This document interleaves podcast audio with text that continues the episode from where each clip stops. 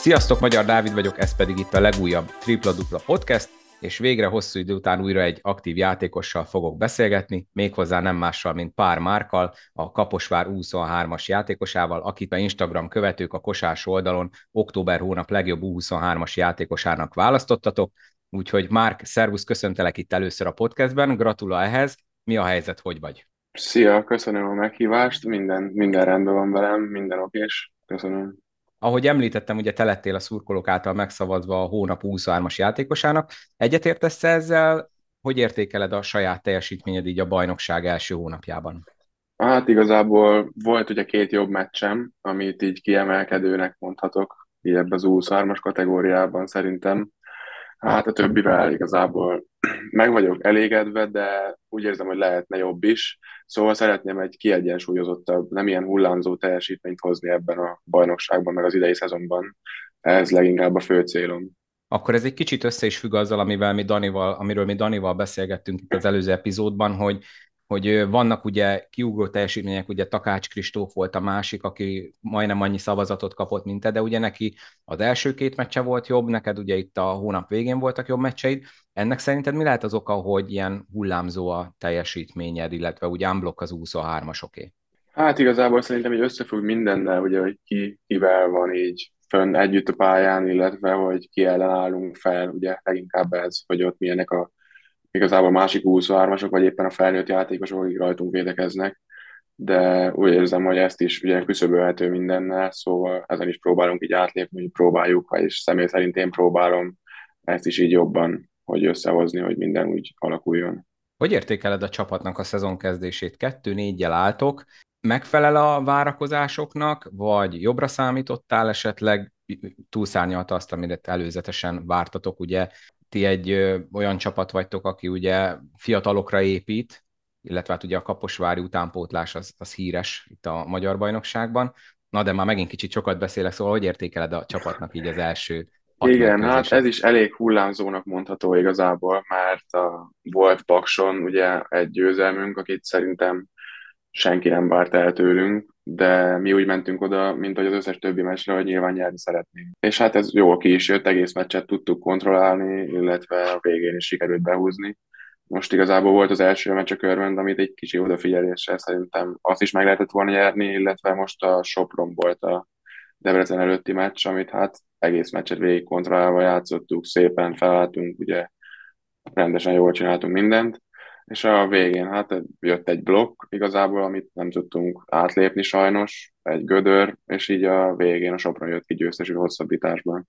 Ugye te már tavaly is kaptál lehetőséget a, a felnőtt csapatban, nyilván még nem annyit, mint idén, most így böngésztem kezdés előtt a statisztikát, tavaly összesen 16 meccsen kaptál 146 percet, idén ugye mind a hat mérkőzésen kezdő voltál, és már 137 percnél tartasz, ennek nem tudom, meg lehet ezt így kérdezni, hogy mi az oka, tehát sikerült ennyit fejlődnöd, vagy a szabály is közre játszik, vagy esetleg az, hogy Cornell lett a vezetőedző, aki meg ugye tapasztalt azzal, hogy a fiatalokkal hogy kell bánni, illetve játszott fiatalokat, minek köszönhető ez, hogy ennyit ugrott a, a perc átlagod? Igazából úgy érzem, hogy ez a szabály is nyilván kedvez, de én nyáron igyekeztem azért minél több munkát ebbe beletenni. Ugye voltam itt az 20-as EB-n is, ami hát nem úgy sikerült, ahogy akartuk, de számomra úgy érzem, hogy nem volt, a, nem, nem volt egy rossz EB. És hát a nyáron előtte is, és az EB előtt is, és után is egyénileg készültem erre a szezonra, szóval próbáltam minél több munkát beletenni. Milyen plusz munkát teszel bele az edzéseken kívül?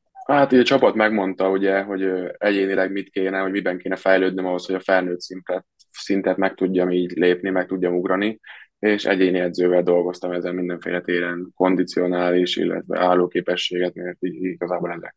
Azt mondom, hogy igazából az IFI és a felnőtt rendszer között a, a fizikai dolgok a legnagyobb különbség, akkor közel járok az igazsághoz? Igen, ott óriási különbség van, ott egy nagy szintet kell ehhez megugranunk, hogy fel tudjuk venni így a versenyt. Ez ilyenkor miben értendő kilókban, vagy állóképességben, vagy, vagy mi az, amiben a, a legtöbb hátrányotok van, akik kikerültök az utánpótlás korosztályból?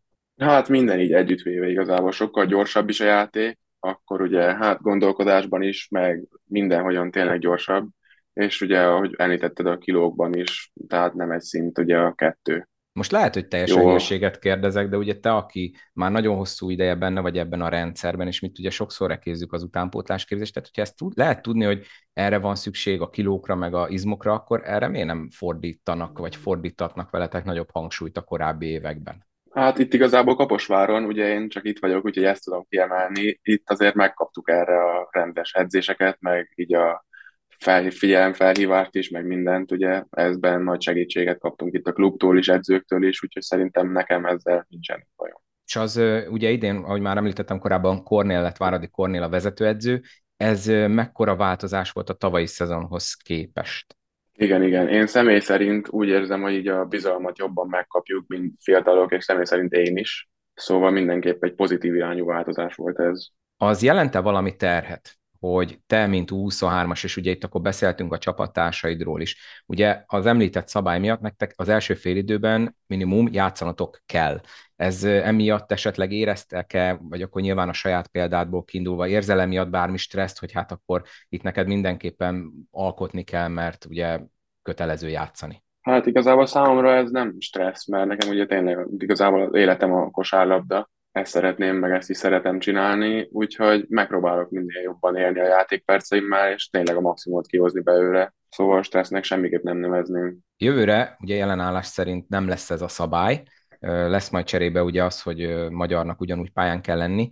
Ez mekkora változás lesz szerinted? Ugye itt mindig megy az a mondás, hogy aki olyan tehetséges, meg annyira jól dolgozik, az így is úgy is kérdemli a perceket. Gondoltok már erre, hogy jövőre nem ez lesz a helyzet? Vagy, vagy ez még igazából annyira távol, hogy nem is érdemes vele foglalkozni? Mindenképp ugye hallottuk mi is, és lesz benne változás, meg lehet, hogy valakinél beigazolódik ez, amit ugye mondanak is a játékpercek szerint, de én még nem foglalkozok ezzel igazából, azt szeretném, hogy ez a szezonom tényleg kiegyensúlyozott és jó legyen, és igazából erre fókuszálni minél jobban.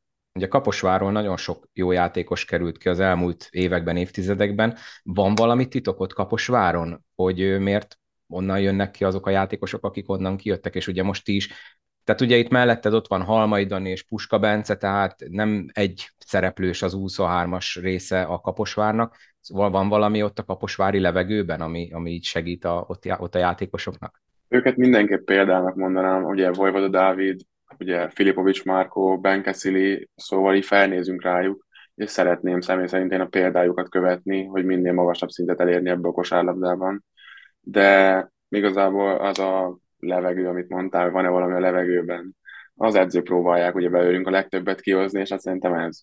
A legutóbbi podcastben beszélgettünk itt ugye a sportpszichológiáról a, a, abban az epizódban a vendégemmel.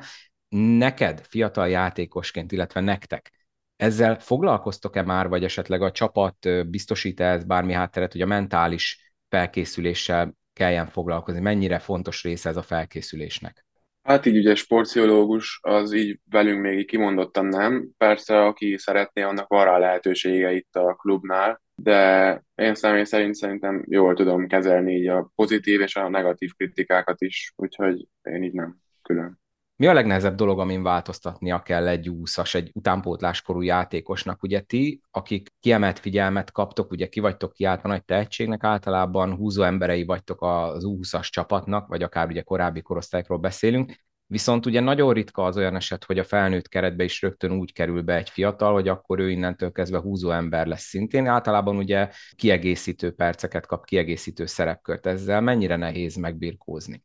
Hát nyilván egy más közeg ez az egész felnőtt csapat, meg a felnőtt mezőny, ugye a pályán töltött percek is mind ezt bizonyítják, hogy ez teljesen más. Ugye ott szabad mozgásteret kapunk, itt pedig hát vannak ugye a figurák, amiket benne kell maradni, meg van egy rendszer, amiben benne kell maradni, és ezt is próbáljuk így legjobban felvenni, de így kiegészítő emberként is próbáljuk a legtöbbet kihozni ebből, és hát én személy szerint próbálok minél feljebb lépni ebben a kiegészítő szerepben is, hogy később akár húzó emberként tekintsenek rám a csapattársak hogy állnak hozzátok fiatalokhoz? Most nyilván nem arra gondolok, hogy egyenrangúként kezelnek-e vagy sem, mert remélhetőleg igen, azért felnőtt emberekről van szó, de gondolom azért, azért más, hogy vagytok kezelve, mint mondjuk a légiósok, gondolom én, aztán persze lehet, hogy nincs igazam. Itt Kaposváron igazából abszolút egyenrangúként vagyunk mindenki által kezelve, és csapaton belül is. Szóval egyáltalán nincs ilyen kirívó, igazából bíztat mindenki mindenkit, ugyanazt szeretnék, hogy csináljunk, mint ők, ugye a felnőtt játékosok, ugyanazt szeretnék, hogy betörjünk, dobjunk bátran, ugyanúgy a hiba van, akkor is buzdítanak, biztatnak. Ez jó is, hogy mondtad, hogy buzdítanak arra, hogy dobjál, ugyanis ugye sokszor azt látjuk, hogy a, a fiataloknak az a szerepe, hogy beállnak a sarokba, talán eljut hozzájuk a labda, egyébként meg ugye az van, hogy üssenek be egy faltot.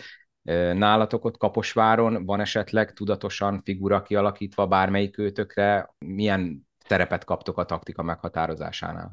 Igazából a spacing, ami segít így nekünk, a, ahogy hogyan kell ugye helyezkedni a, mondjuk egy pick után, az, ami segít, és akkor megvannak általában az extra passzok, ha éppen úgy jön ki, hogy mi vagyunk ott üresen. Most én nézem a statisztikádat, 40%-kal dobsz jelenleg triplából, ami nagyon jónak számít. Mi az, amiben idén a legjobbat, illetve legtöbbet szeretnél fejlődni így a saját teljesítményeddel kapcsolatban?